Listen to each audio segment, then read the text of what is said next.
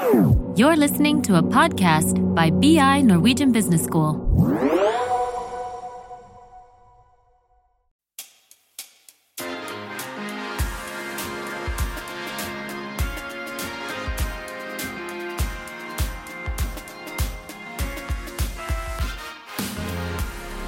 Det finnes mange måter å være en bærekraftig forbruker på. Men så har vi fristelser, lyster og behov som gjør det kanskje litt vanskeligere.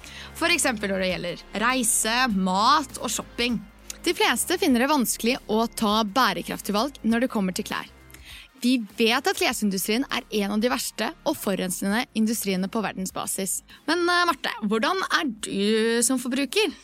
Uh, jeg må innrømme at jeg nettopp har vært på en liten shoppingrunde. Em, så uh, Men jeg prøver å kjøpe klær som er um, uh, i god kvalitet. Em, men det er nok eh, mange ting der som jeg kan bli bedre på. Det er nettopp det vi skal snakke om i dagens episode. Bærekraftig forbruk, og hvorfor er det så vanskelig? I studio i dag har vi med oss Tarje Tarjei Gaustad, som er forsker og underviser i forbrukeratferd og forbrukerpsykologi på BI. Og senere i episoden skal vi også snakke med Sigrun Syverud, som er CEO og co-founder av Fjong, som driver utleie av klær. Tarjei, jeg har nettopp vært på reise i Paris og shoppa nye klær. Hva er det som får oss forbrukere til å fortsatt kjøpe nye ting og dra på reise, selv om vi vet at det ikke er så bærekraftig? Ja, eh, det kan jo være mange ting som påvirker, selvfølgelig. Én eh, ting er jo rett og slett kunnskap. og eh, Ofte så kan det være vanskelig å vite hva som er den rette tingen å gjøre. Men, men, i andre tilfeller så vet vi jo at det er ikke så bra å fly, og at eggene holder jo kjempemye lenger enn det som står på den der best før-datoen. Så noen ganger så gjør vi det også selv om vi har altså, mot bedre viten. da. Og det kan jo være mange grunner til. Én grunn kan være eh, at vi rett og slett er litt Som forbrukere så er vi er litt late og litt egoistiske, rett og slett. Eh, og det å tenke bærekraft, da må vi tenke på eh, hva som er best for fellesskapet og samfunnet litt fram i tid. Eh, mens veldig ofte når jeg er i en situasjon det handler om meg der og da. Hva jeg skal spise, hva jeg har lyst på osv. Da blir man ofte, er det veldig lett å tenke på, på meg da, i den situasjonen. Ja, det kan jeg kjenne meg igjen i, liksom. At, eh, og sikkert du og Gloria. At uh, det er liksom her og nå der han har lyst på, på det, nye, det nye antrekket, da. Mm. Men så er vi jo også vanedyr, vi mennesker. Så, men hvordan kan vi som forbrukere endre våre vaner? Ja, eh, vi er helt klart vanedyr. eller kan si, vi tar, jo, vi tar, jo, veldig mange beslutninger hver eneste dag. Det har du sikkert hørt tusen ganger. Eh, tar, noen sier at vi tar 30 000 beslutninger i løpet av en dag. eller noe sånt nå. Kanskje ikke så veldig vitenskapelig fundert, men vi tar masse beslutninger. Eh, og vi har rett og slett ikke kapasitet, mulighet, til å tenke gjennom alle de valgene vi tar. Eh, noen ganger så tar vi veloverveide og liksom velfunderte valg. Tenker oss kanskje, bør i hvert fall tenke oss godt gjennom før vi begynner på en utdannelse. Eh, før vi gjør andre typer kjøpsbeslutninger som er viktige for oss. Men så er det så veldig mange andre beslutninger eh, som vi tar hele tiden, som, som, egentlig bare går på autopilot. Og det er veldig smart, fordi, fordi vi, ja, vi, har ikke tid og kapasitet til å tenke gjennom alt. og eh, Derfor så forenkler vi på en måte hverdagen vår med, med å, å, tillære oss vaner. Og gjøre, eh, finne at noe funker. Det funker å kjøpe det oppvaskmiddelet, da fortsetter jeg å gjøre det. Det funker å gå på Hennes og Maurits og se etter noen klær, for der finner jeg alltid et eller annet. Eh, og så blir det på en måte en innlært vane. Og så blir dagen ganske sånn fin og effektiv om man bare gjør det som man vet funker. Eh, og når man skal ut, da får man ofte det som vi kaller for en vaneløkke. Da. Eh, og for å endre liksom, en måte å gjøre noe på, så, så er det, det er vanskelig. Og det krever først og fremst at man stopper opp. Da. Og eh, tenker om at eh, her trenger jeg, vil jeg gjøre noe på en annen måte. Så det aller første da er jo rett og slett at man har motivasjon og at den motivasjonen er sterk nok til at eh, jeg vil bryte ut og gjøre, handle klær f.eks., eller eh, på en annen måte, eller gjøre mer bærekraftige valg. Um, og så krever det da også at man har si, kapasitet, mulighet til å tenke gjennom det, og at man ja, klarer å ja, klarer å stå ved det over tid. og Det er kanskje det som er vanskelig. For de aller fleste av oss de, vi klarer å gjøre om på sånne små vaner en liten periode, men så faller vi ofte tilbake i liksom det vanlige mønsteret. Tror du forbrukerne er klare for å nå klimamålene som eh, vi har satt oss? Ja, det, det, første eh, er jo på en måte å erkjenne at vi trenger å gjøre ting på en annen måte, eller at vi trenger å ta ja, mer bærekraftige valg som forbrukere, og kanskje erkjenne at det er liksom, hvert enkelt sitt ansvar også. Ikke bare når vi skal skyve over på alle andre eller på bedrifter eller på noen andre, men det er vårt ansvar. Eh, og vi, kan, vi, bør starte med oss selv. Eh, og mange eh, har vel begynt å erkjenne det. Det tror jeg har skjedd, skjedd veldig mye de senere årene. Eh, men jeg tror for mange så er man liksom villig til å gjøre litt. Man er villig til å resirkulere, resirkulere litt avfall. Eh, og man er villig til å ja, få seg en kul elbil istedenfor en kul fossildrevet bil. Eh, osv. Men jeg er usikker på om folk flest er klare for å gjøre betydelige endringer og ofre betydelig egen nytte og eh, hedonistisk glede for, eh, for, å nå de klimamålene. Fordi klimamålene er et eller annet litt sånn diffust langt der framme for fellesskapet. Eh, og når vi skal når vi Hele tiden når vi tar våre valg som forbrukere, så er det ofte en sånn avveining mellom ulike målsetninger. For vi har alle, masse ting vi syns er bra og vi er opptatt av. Og så blir det ofte sånn at det mest nærliggende her og nå blir ofte viktigere enn noe diffust usikkert som vi skal redde en gang i fremtiden. Nå har vi jo snakket mye om forbrukerne og deres ansvar, men det er jo bedrifter som markedsfører og prakker på oss ting. Fjong gir oss et tilbud som gjør det enklere for oss å være bærekraftig. Sigrun, kan du forklare hva Fjong er, og hva er det som gjør at dere er så spesielle? Ja, det skal jeg gjøre. Eh, Fjong er en klesleietjeneste hvor man kan leie klær for å da nettopp slippe å, kjøpe klær. Og i Norge så har vi i gjennomsnitt 359 plagg i skapet, og en tredjedel av dette henger så å si ubrukt. Og for å da unngå at man har så mye som man ikke bruker, men bruker det man på en måte har, så er eh, hele konseptet med Fjong at du, at du leier de plaggene du ikke bruker så veldig ofte. Ehm, og også på en måte slipper bomkjøp ved at du, hvis du leier noe som ikke passer, så returnerer du det uansett tilbake. Og så eier man heller de basisklærne man bruker hyppig. Og på den måten så kan man da ha en god klesvariasjon og få nye ting og på en måte ha et, et stort utvalg i klær du kan ha på deg, men da uten å eie det, og ved at plaggene på en måte utnyttes godt fordi at man deler det på veldig mange forskjellige brukere. Og de plaggene vi leier ut, det er overskuddslager fra butikker, eh, merkevarer, eh, designere, altså plagg som ikke har blitt solgt, eller eh, har kommet tilbake til retur på en eller annen måte, som da ofte ender opp med å bare ligge på lager lenge, og kanskje til slutt kastes. Så det å på en måte utnytte de plaggene som er produsert eh, gjennom da leie, gjør at vi eh, på en måte både utnytter det som er produsert bedre, men også slipper å kjøpe så mye nytt fordi man får tilgang til plaggene man vil gjennom leie. Det her virker som en løsning i tråd med sirkulær og delingsøkonomi. Det stemmer. Det er jo en på en måte sirkulær eh, tjeneste ved at eh, altså vi har abonnement, klesabonnement, som hovedtjenesten. Da kan man leie f.eks. en vinterjakke nå som det er vinter, en, en veske eller eh, kjole, hva som helst. Og så har man det en måned eller lenger. Og så lar man noen andre ha det når man er ferdig med det. Så det er jo på en måte et Altså man, man er ikke eier av plagget, men man, man, deler det med mange, og det går i sirkel. Eh, Fjong er jo first mover eh, i et helt nytt marked som eh, vi ikke er så veldig vant til. Hvilke utfordringer har man? Ja, det, det, er veldig sant. Og det er jo det å være first mover, det, det byr på eh, nye utfordringer kommer til å kommunisere både hvordan tjenesten funker, eh, og også i hvilken grad eh, på en måte ulike nye tjenester da bidrar til nettopp dette med bærekraft. Og f.eks. hvordan det funker. Eh, når man kjøper noe i butikken, så vet man jo veldig godt hvordan det funker. Det trenger ikke noen nærmere forklaring. Men når man leier, som er en ny ting, så har man ofte en del ekstra spørsmål.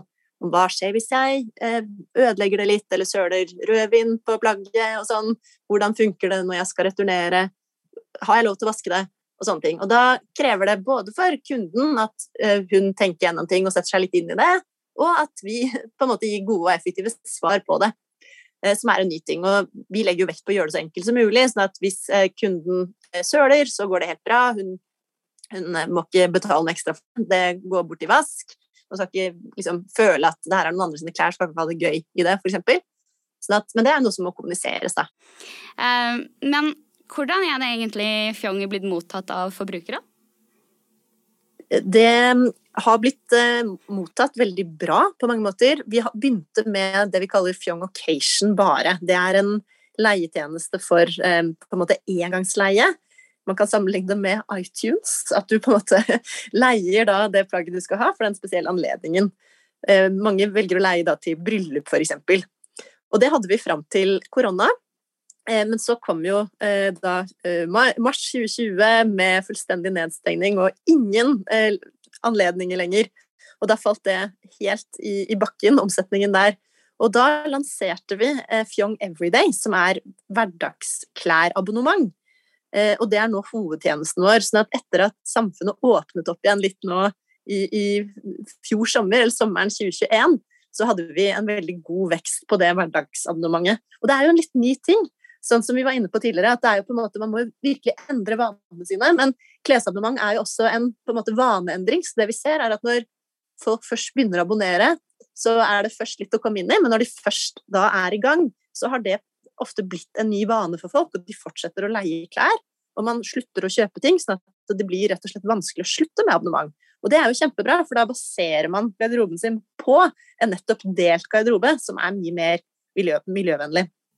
Ja, for man har jo ofte lyst til å ha nye plagg i klesskapet. Jeg kjenner jo meg selv igjen eh, der at jeg hele tiden har lyst på en kjole til en galla, eller en ny jakke eller nye sko.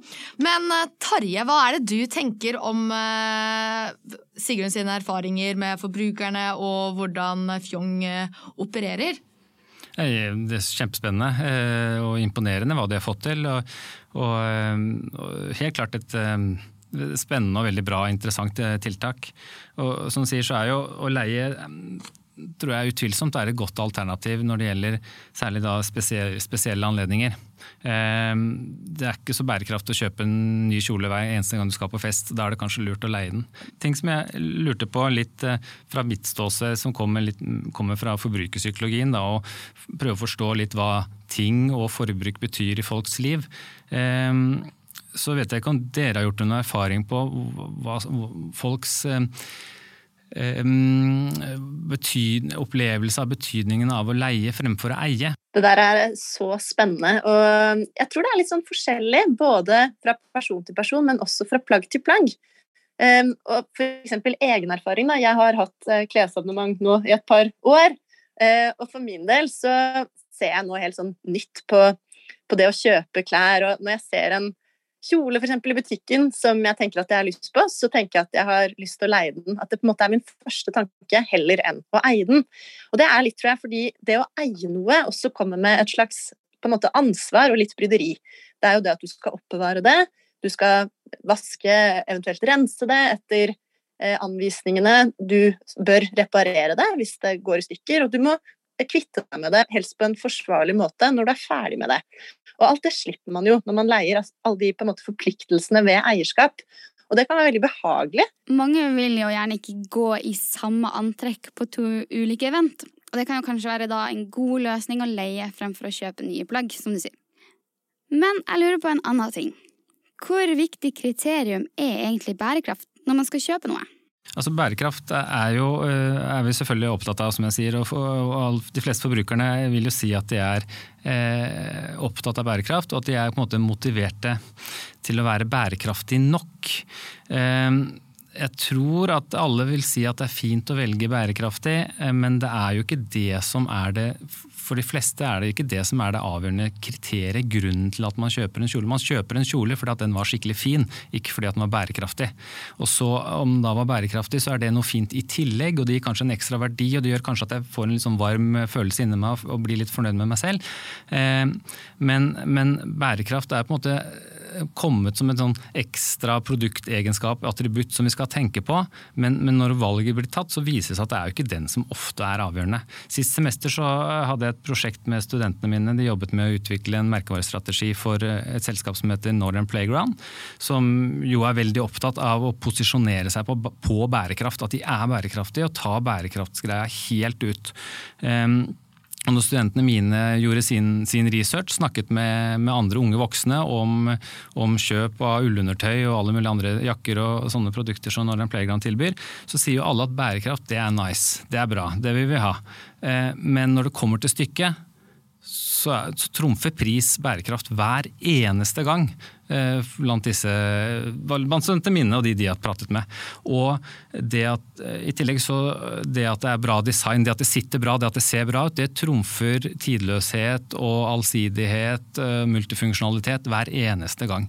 Så så man, man, man, må nå framover tenke bærekraft, man tenke transparens, man må, transparens, man må gjøre ting fordi det er riktig å gjøre det riktig, og fordi at markedet etterspør det. Men, men, det holder ikke å være bærekraftig. Du må ha produkter, tjenester som er gode nok i seg selv, og så er kanskje bærekraft faktisk i ferd med å bli en hygienefaktor som må ligge i bånn. Hva vil være den mest effektive måten å oppnå mer bærekraftig forbruk på?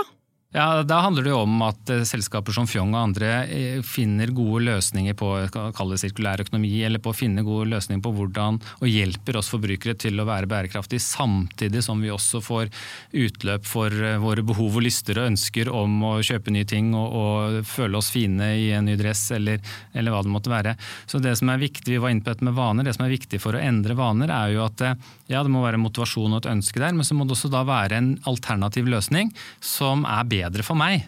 Eh, som, hvor jeg ikke bare er bedre for samfunnet, men også jeg er bedre for meg som individ. Og løse mitt behov eller gi meg god nytte da, på, på en hvert fall like god eller bedre måte. Og så er det viktig at den, eh, de nye tjenestene da passer inn i livet mitt. Sånn at jeg ikke må legge om så mye annet, men det er bare at den tjenesten funker. Jeg kan begynne å leie den der kjolen istedenfor å kjøpe den. Og så passer det inn i liksom hele, hele livet mitt uten at det krever for mange andre endringer. Det er i hvert fall helt avgjørende.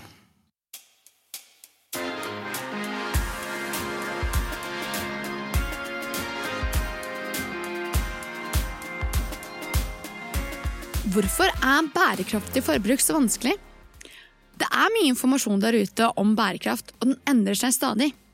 Derfor er det lett å være usikker på hva som er gode valg. Som forbrukere har vi et ansvar å endre oss. Å stoppe opp og tenke over valgene vi tar til daglig. Vi må være motiverte til å slutte å gjøre det vi er vant med, og etablere mer bærekraftige vaner. Vi har lett for å tenke at bærekraftige valg går på bekostning av noe. Et produkt ikke er like bra eller dyrere enn de eksisterende alternativene. Det er så mange ting som er viktigere når vi handler, og bærekraft kommer gjerne ikke som øverste kriterium. Selskapene på sin side skal tilby flere bærekraftige alternativer. Og heldigvis kommer det stadig nye løsninger som gjør det enklere for oss å være bærekraftige forbrukere. Slik som Fjong gjør med utleie av klær. Og her har vi noen tips til dere om hvordan bli mer bærekraftig på klesfronten. 1. Kjøp mindre. 2. Vær bevisst på hva du kjøper. Kjøp heller ting med god kvalitet fremfor å kjøpe billige ting som blir fort ødelagt. 3.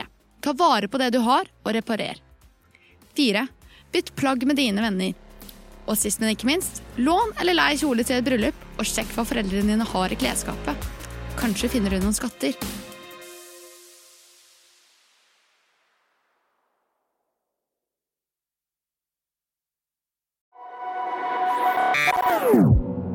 Is a BI production. Listen to more podcasts.